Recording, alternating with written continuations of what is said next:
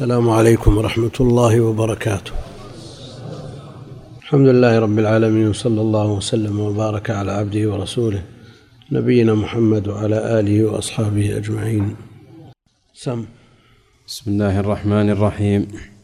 الحمد لله رب العالمين وصلى الله وسلم وبارك على نبينا محمد وعلى آله وصحبه أجمعين. اللهم اغفر لنا ولشيخنا واجزه عنا خير الجزاء برحمتك يا أرحم الراحمين. قال الإمام المجدد رحمه الله تعالى باب قول الله تعالى أيشركون ما لا يخلق شيئا وهم يخلقون ولا يستطيعون لهم نصرا. الآية وقوله والذين تدعون من دونه ما يملكون من قطمير.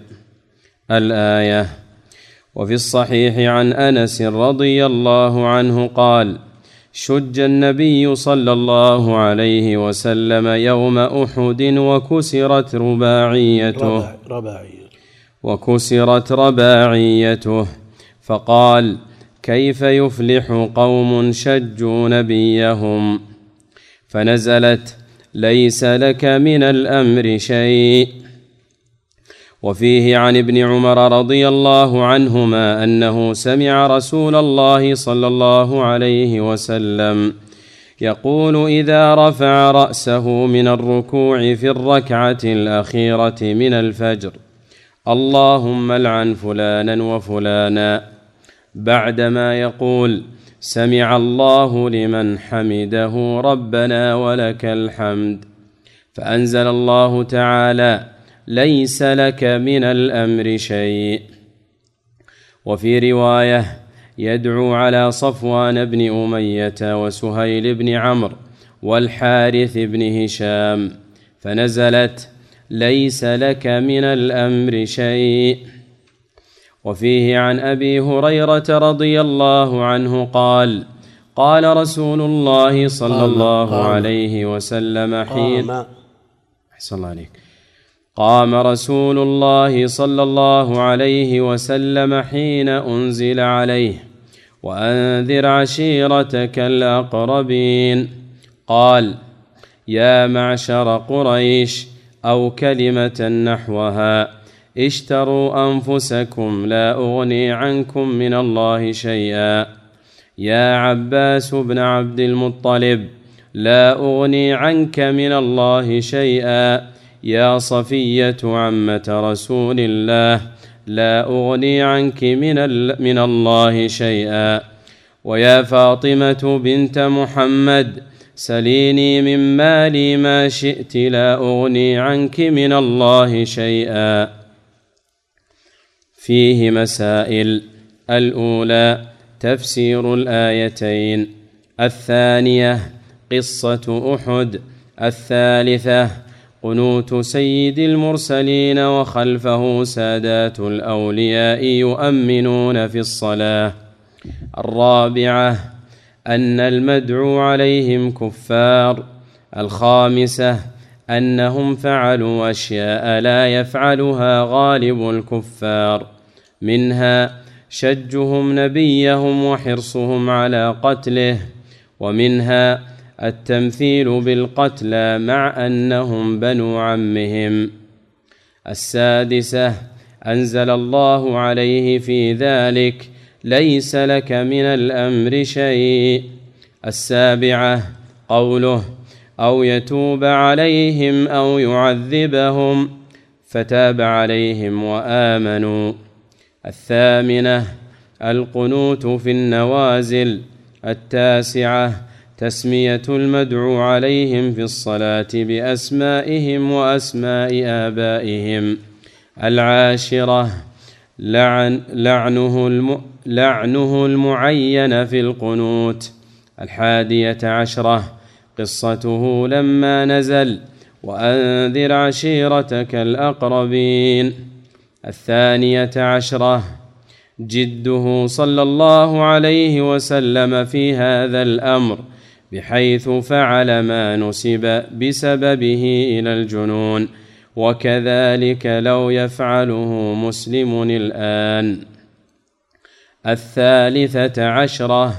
قوله صلى الله عليه وسلم للأبعد والأقرب لا أغني عنكم من الله شيئا. حتى قال يا فاطمة بنت محمد لا أغني عنك من الله شيئا. فإذا صرح صلى الله عليه وسلم أنه وهو سيد سيد المرسلين لا يغني شيئا عن سيدة نساء العالمين.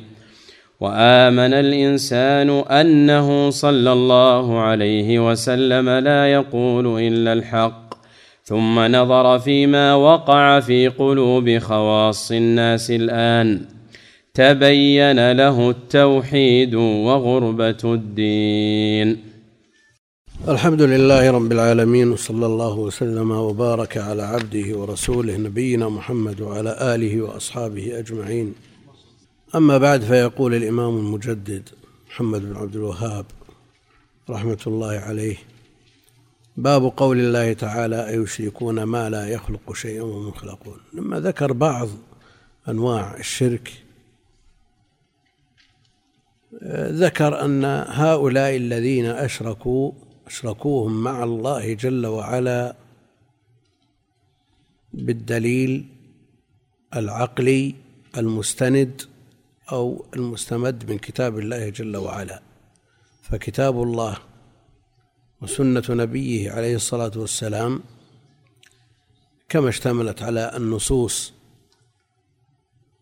التي هي نقلية مجرد نقل اشتملت أيضا على نصوص نقلية عقلية في في, في الوقت نفسه.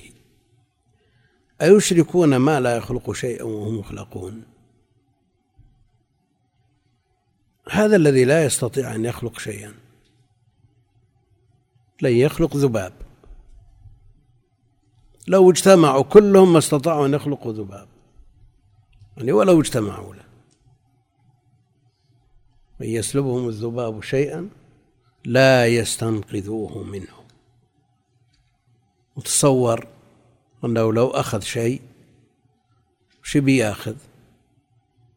شيء حقير جدا مناسب لحقارة هذا الذباب. ثم تصور من يتبعه ليخلصه منه. ضعف الطالب والمطلوب. ضعف الطالب والمطلوب. ذكر بعضهم في من له عناية بالعلم التجريبي. يقولون الذباب في لعابه مادة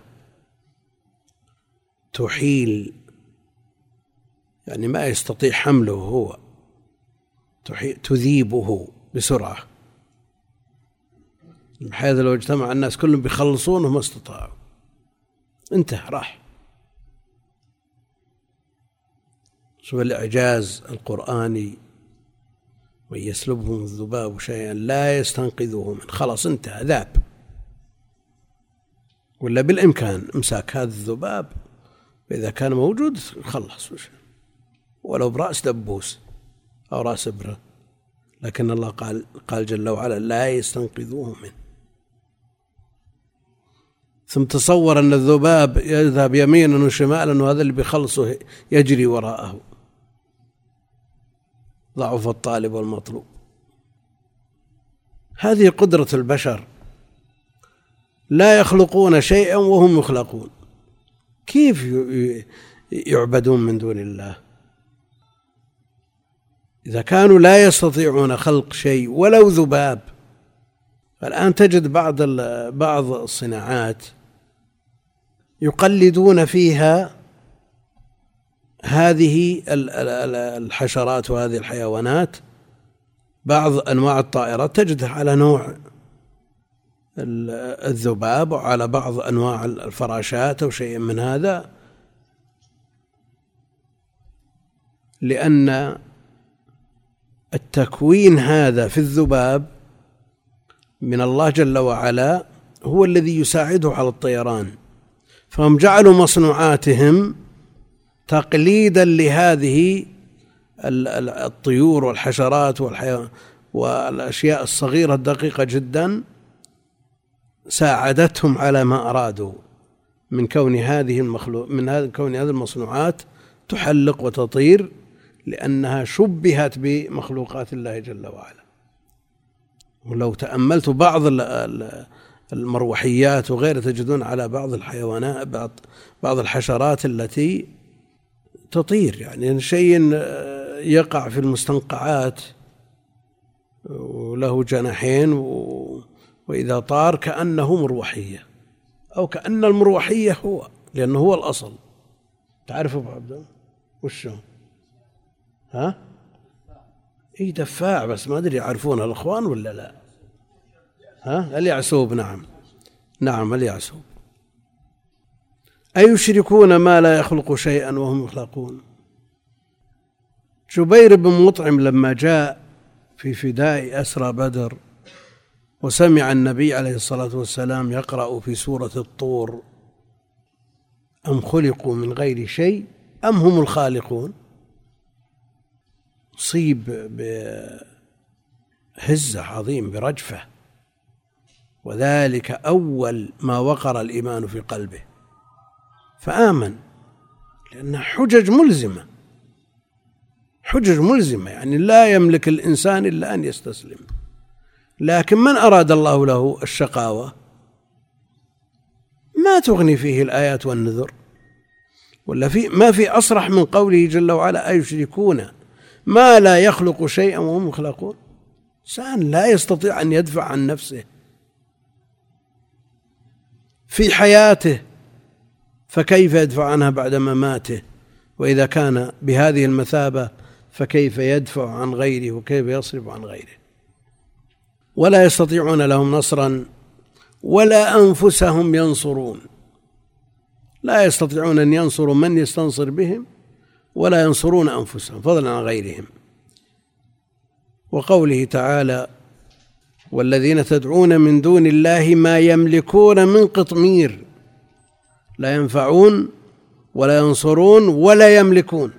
من إيش؟ من قطمير اللفافة التي على نواة التمر ما يملكونها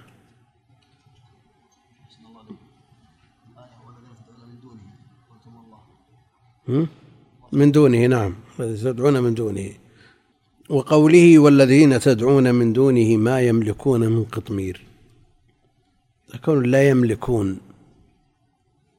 معنى الملك قد يقول قائل أنهم يملكون الملايين يملكون القصور يملكون من متاع الدنيا ما يملكون. من الأموال الطائلة. هذه الأموال هي أموال الله وليست بأموالهم. وإنما وكل الله جل وعلا لهم التصرف فيها على مراده جل وعلا. إذا تصرفوا على خلاف مراده جل وعلا صار التصرف غير مأذون به وغير صحيح. فقوله والذين تدعون من دونه يعني من الأصنام والأولياء والصالحين سواء كانوا أنبياء أو ملائكة أو أو غيرهم ما يملكون من قطمير. أي مخلوق ما يملك؟ الملك يوم لله جل وعلا. والمال مال الله وآتوهم من مال الله.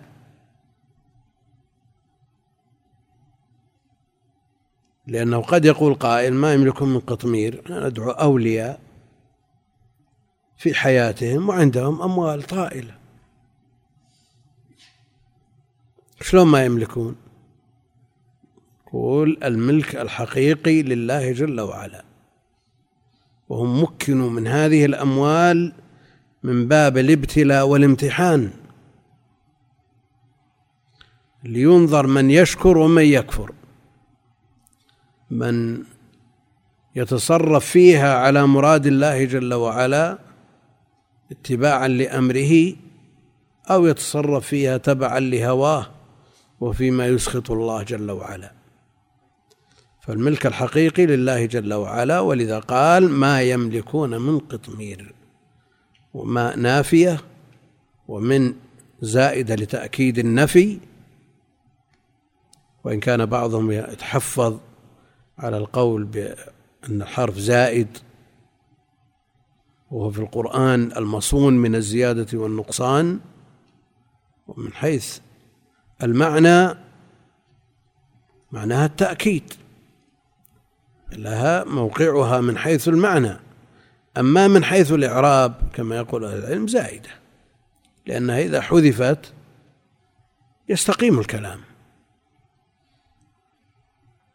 يعني كيف يطلب المدد والغوث من شخص لا يملك القطمير اللفافة التي فوق النواة؟ كيف يمدك ولا يملك؟ وإذا كان هذا في الحي الذي له نوع قدرة فكيف بالميت؟ وكان ذلك في الميت الذي كان له قدرة فكيف بالحجر؟ أو الشجر أو ما أشبههما.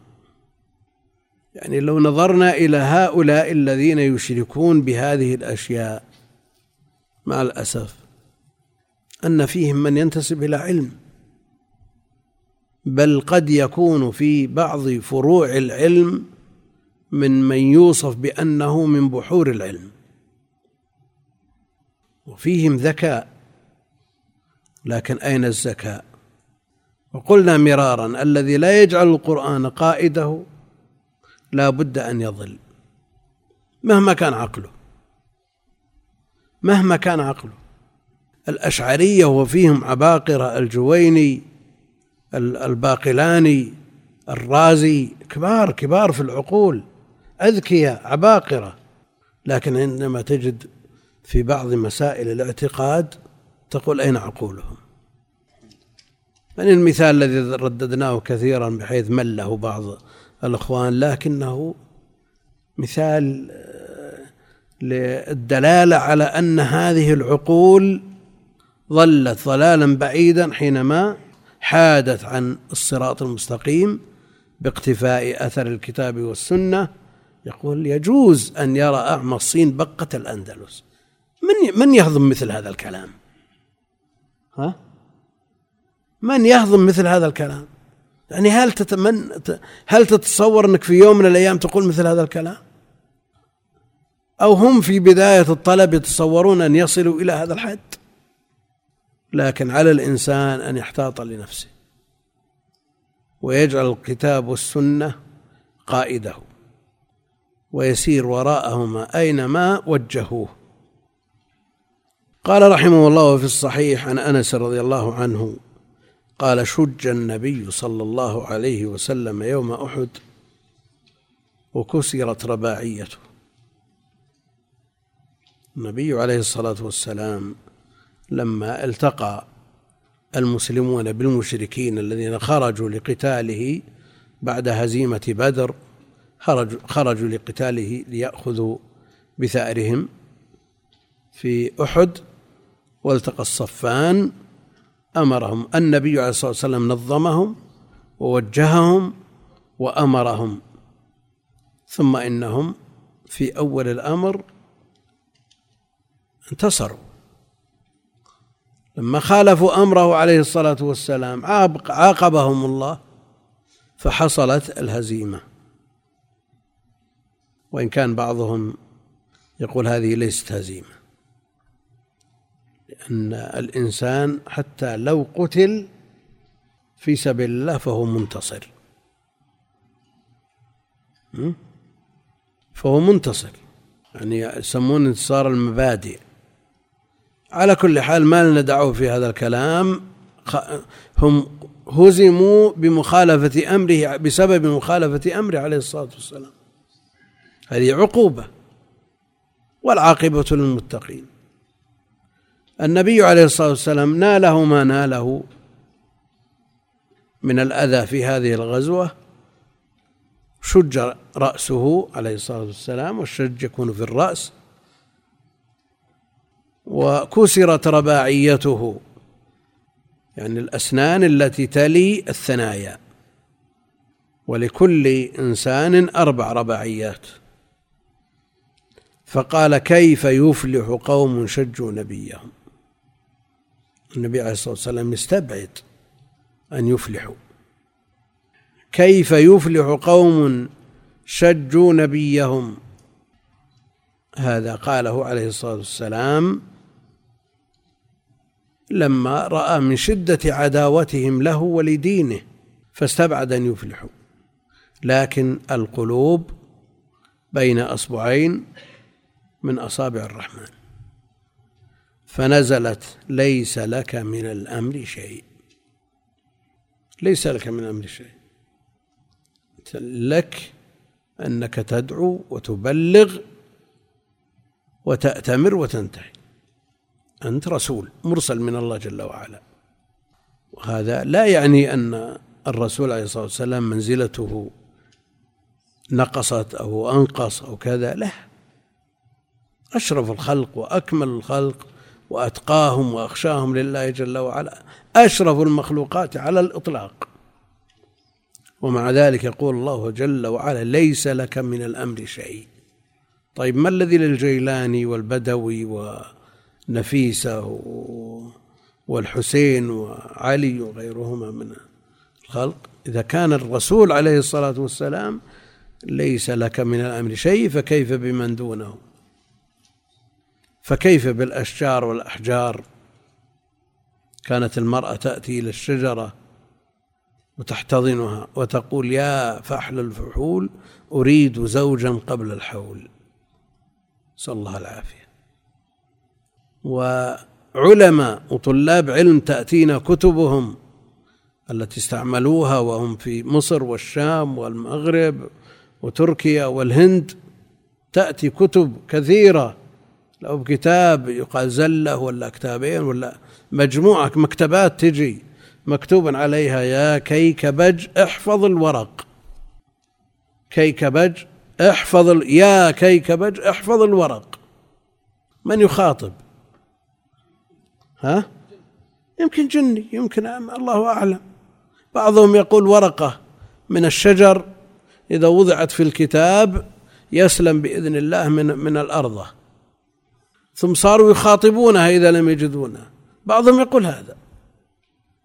لكن التركيبة تركيبة آه، جن أو شياطين. بعضهم يقول يمكن أن يكون من أسماء الله بلغة غير العربية. الله أعلم. لأنه يقول وجد كتاب يا الله يا حفيظ يا كيكبج.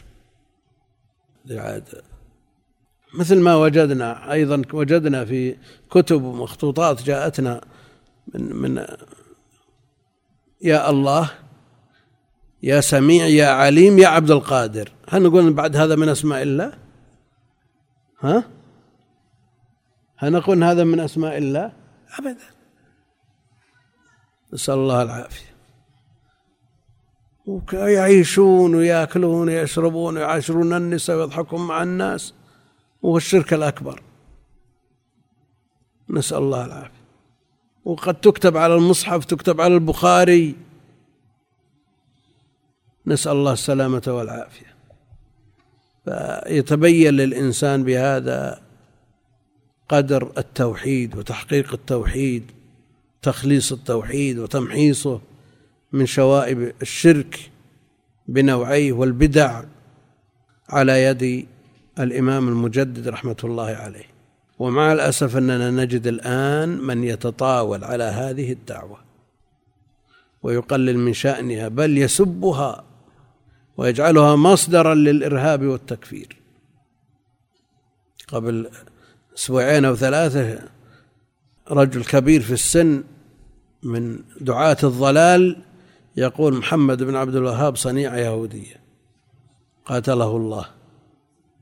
وفيه يعني في الصحيح عن ابن عمر رضي الله عنه أو عنهما عن ابن عمر رضي الله عنهما الصحيح يطلق وقد يراد به الصحيحين معا يعني في الحديث الصحيح المخرج في الصحيحين أو في الصحيح يطلق ويراد به البخاري وقد يراد به مسلم وعلى كل حال الإطلاق صحيح. لأن الخبر صحيح ما دام في الصحيحين أو في أحدهما فهو صحيح. وفيه عن ابن عمر رضي الله عنهما أنه سمع رسول الله صلى الله عليه وسلم يقول إذا رفع رأسه من الركوع في الركعة الأخيرة من الفجر القنوت قبل الركوع ولا بعده؟ هنا بعد الركوع هنا بعد الركوع. وجاء ما يدل على أنه قبل الركوع على كل حال الذي معنا في هذا الحديث إذا رفع رأسه من الركوع في الركعة الأخيرة من الفجر وهذا قنوت نوازل. قالت النبي عليه الصلاة والسلام شهرا يدعو على بعض القبائل ثم ترك. فالقنوت في النوازل وفي الفرائض كلها وجاء في صلاة الصبح نصوص خاصة. في الركعة الأخيرة من الفجر اللهم العن فلانا وفلانا. بعدما يقول سمع الله لمن حمد فلان وفلان جاءت تسمية في الرواية اللاحقة وأنهم صفوان بن أمية وسهيل بن عمرو والحارث بن هشام. بعدما يقول سمع الله لمن حمد ربنا ولك الحمد. مقتضى السماع الإجابة وفي إثبات السمع لله جل وعلا على ما يليق بجلاله وعظمته. من لازمه الإجابة. سمع الله بمعنى أجاب. لا شك أن السماع من المقصود به هنا الإجابة لكن فيه إثبات السمع لله جل وعلا. لأن بعضهم يقول سمع أجاب فرارا من إثبات الصفة. كما قالوا في والذي نفسي بيده قالوا روحي في تصرفه. ما في أحد روحه تخرج عن تصرف الله جل وعلا لكن فيه إثبات اليد لله جل وعلا. على ما يليق بجلاله وعظمته وهنا فيه إثبات السمع لله جل وعلا على ما يليق بجلاله وعظمته. حينما عندما بعدما يقول سمع الله لمن حمد ربنا ولك الحمد. وفيه حذف الواو ربنا لك الحمد. ومن الصيغ اللهم ربنا لك الحمد.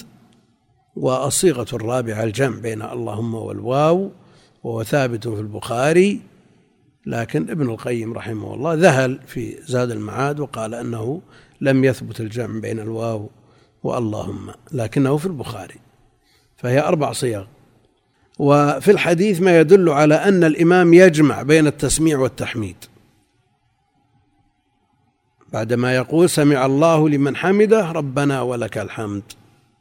وأما بالنسبة للمأموم فإنه يقتصر على الحمد. فإذا قال الإمام سمع الله لمن حمده فقولوا اللهم ربنا لك الحمد أو بغيرها من الصيغ. المقصود أن الإمام يجمع بينهما وهذا رأي حنابلة والشافعية. المالكية والحنفية يقولون لا. الإمام يقول سمع الله لمن حمده والمأموم يقول ربنا ولك الحمد. فالإمام لا يقول ربنا ولك الحمد والمأموم لا يقول سمع الله لمن حمده مع أن الحديث نص وهو في الصحيح. بعدما يقول سمع الله لمن حمده وربنا ولك الحمد فأنزل الله تعالى ليس لك من الأمر شيء. هنا فأنزل الله ليس لك من الأمر شيء. وفي القصة السابقة في غزوة أحد لما شج رأسه وكسرت رباعيته وإلى آخر الحديث كيف يفلح قوم شجوا نبيهم فنزلت ليس لك من الأمر شيء. يقول أهل العلم قد يتعدد السبب لنازل واحد.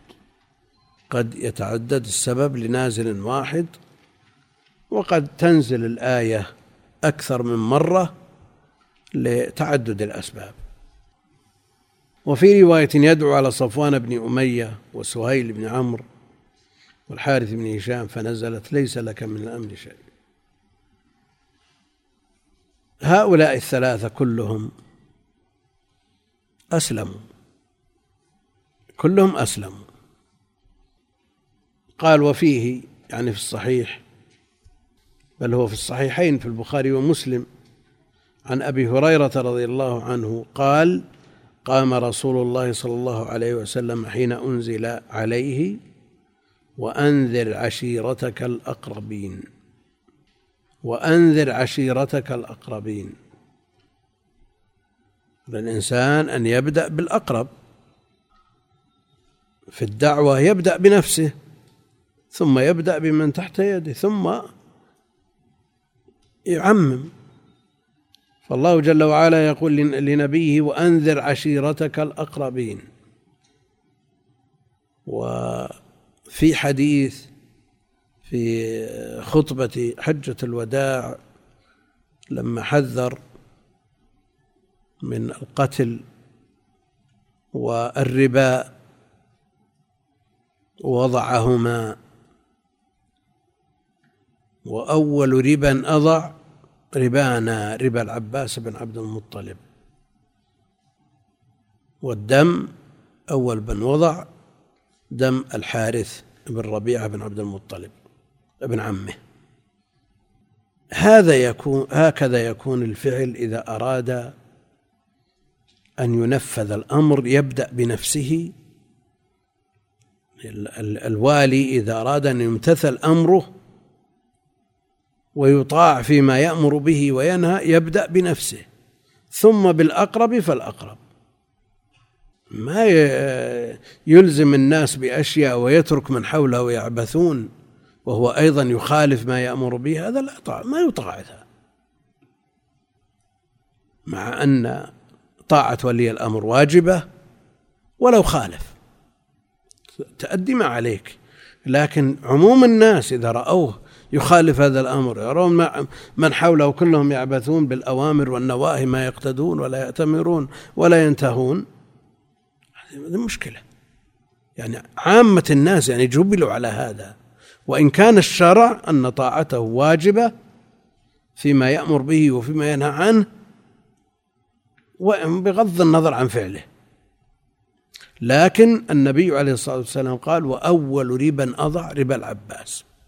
عمه. ليكون الأمر والنهي له وزنه له ثقته ثقله. وأنذر عشيرتك الأقربين. ابدأ بمن حولك. ماذا قال؟ قال يا معشر قريش. قبيلته. يا معشر قريش أو كلمة نحوها يعني قريبة منها وهذا من احتياط الرواة لأنها لا بد أن تكون الكلمة موافقة لها في المعنى. لكن الرواة يحتاطون أو كلمة نحوها اشتروا أنفسكم يعني أعتقوا أنفسكم. ليجعل المرء نفسه كالمكاتب يدفع علشان يعتق نفسه. اشتروا أنفسكم. والله جل وعلا اشترى من المؤمنين أنفسهم. فيكون الشراء هنا بمعنى البيع. بيعوا أنفسكم على الله. والمتاجرة مع الله جل وعلا تختلف عن المتاجرة مع غيره. يرجون تجارة لن تبور.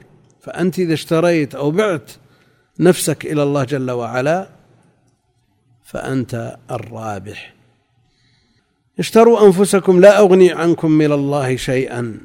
يجينا أحد يقول أنت من جماعتنا أنت من قريب لنا ولا؟ لا هذا ما ينفع. ثم بدأ يخصص. يا عباس بن عبد المطلب. نعم.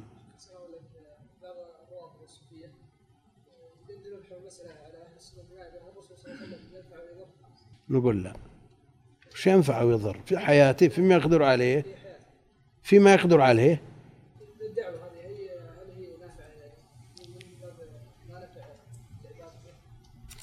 الدعوة الدعوة للناس أجمعين. الرسول عليه الصلاة والسلام رسول رسول رب العالمين لجميع العالمين. لكن البداءة يعني مثل الشمس تنتشر دعوته على الأرض كلها. يبدأ بالأقرب فالأقرب وكذا وجه. أنذر عشيرتك الأقربين يا عباس ابن عبد المطلب. العباس مفرد. يبنى على الضم إذا نودي. وهو في محل نصب. ولذلك نصب وصفه. يا عباس ابن عبد المطلب. لأنك لو قلت يا ابن عبد المطلب لأنه مضاف. نعم؟ مضاف. والمنادى المضاف ينصب بخلاف المفرد المقطوع عن الإضافة. يا عباس ابن عبد المطلب لا أغني عنك من الله شيئا. اشتر نفسك. وهو عمه عم الرجل كما قال عليه الصلاة والسلام صن وأبيه مثل أبيه. أبوه عليه الصلاة والسلام وأمه قبل هذه الدعوة ماتوا. إن أبي وأباك في النار. لا يغني عن عنهما شيء.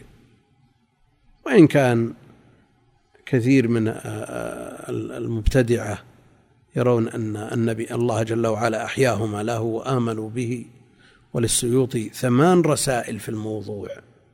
وعامة أهل العلم من أهل التحقيق أنهم ماتوا في الجاهلية في زمن الفترة. ولولا النص لقلنا أن حكمهم حكم أهل الفترة. يعني يختبرون في يختبرون. لكن النبي عليه الصلاة والسلام أخبر أن أباه في النار. اللهم صل على محمد. يا عباس بن عبد المطلب لا أغني عنك من الله شيئا. في؟ مم.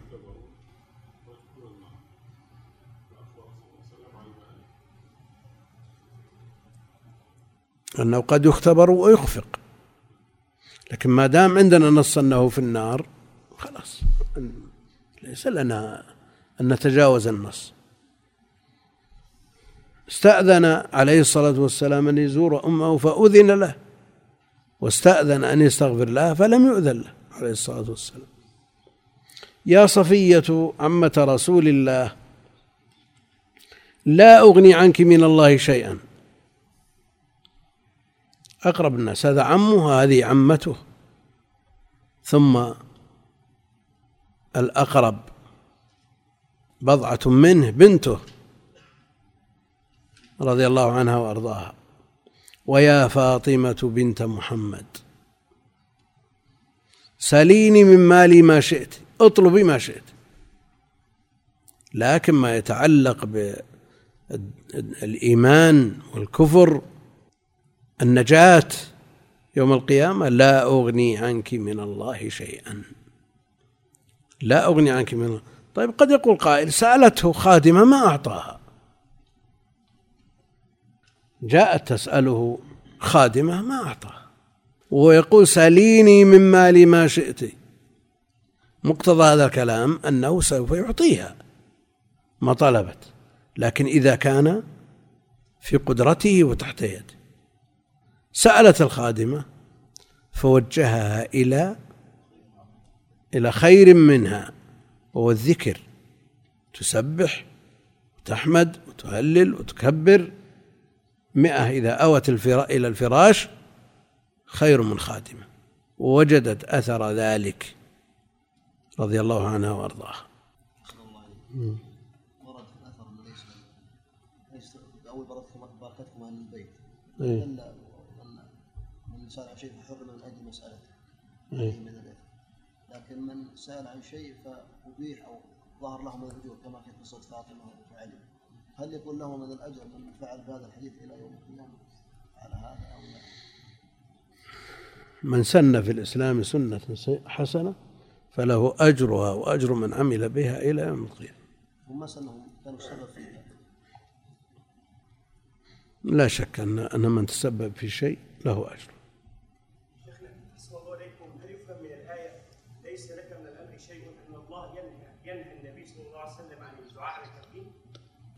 كيف؟ هل يفهم من الآية أن الله ينهى عن هذا بيأتي في المسائل. الشيخ ذكر هذا في المسائل. شوف في مسائل تاسعة تسمية المدعو عليهم في الصلاة بأسمائهم وأسماء آبائهم. هذا سيأتي حكمه. سيأتي حكم الدعاء على الكفار بأسمائهم وأعيانهم والدعاء عليهم جملة. التعميم في الدعاء على الكفار. سيأتي حكم إن شاء الله تعالى.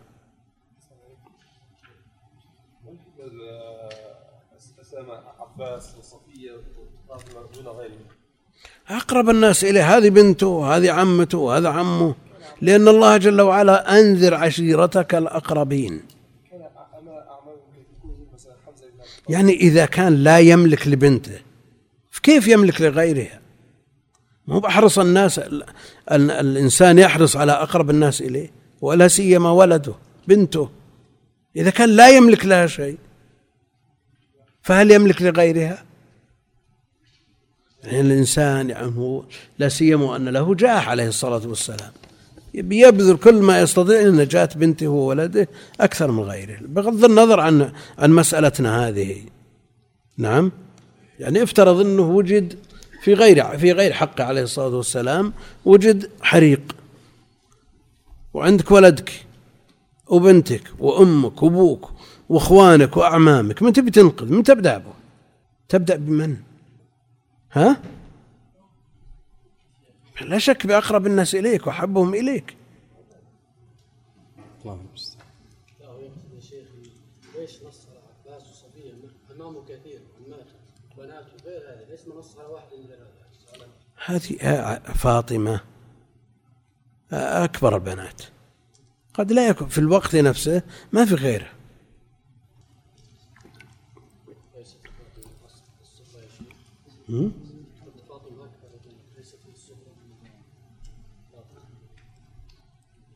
قد تكون أحب البنات إليه.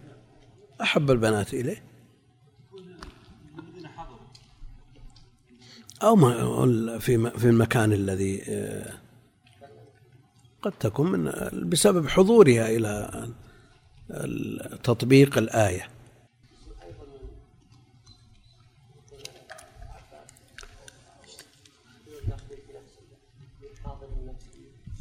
ممكن. المقصود أن هذا الحاصل وهذا في الصحيحين ولا شك أن فاطمة أفضل من غيرها من بناته عليه الصلاة والسلام. اللهم صل على محمد.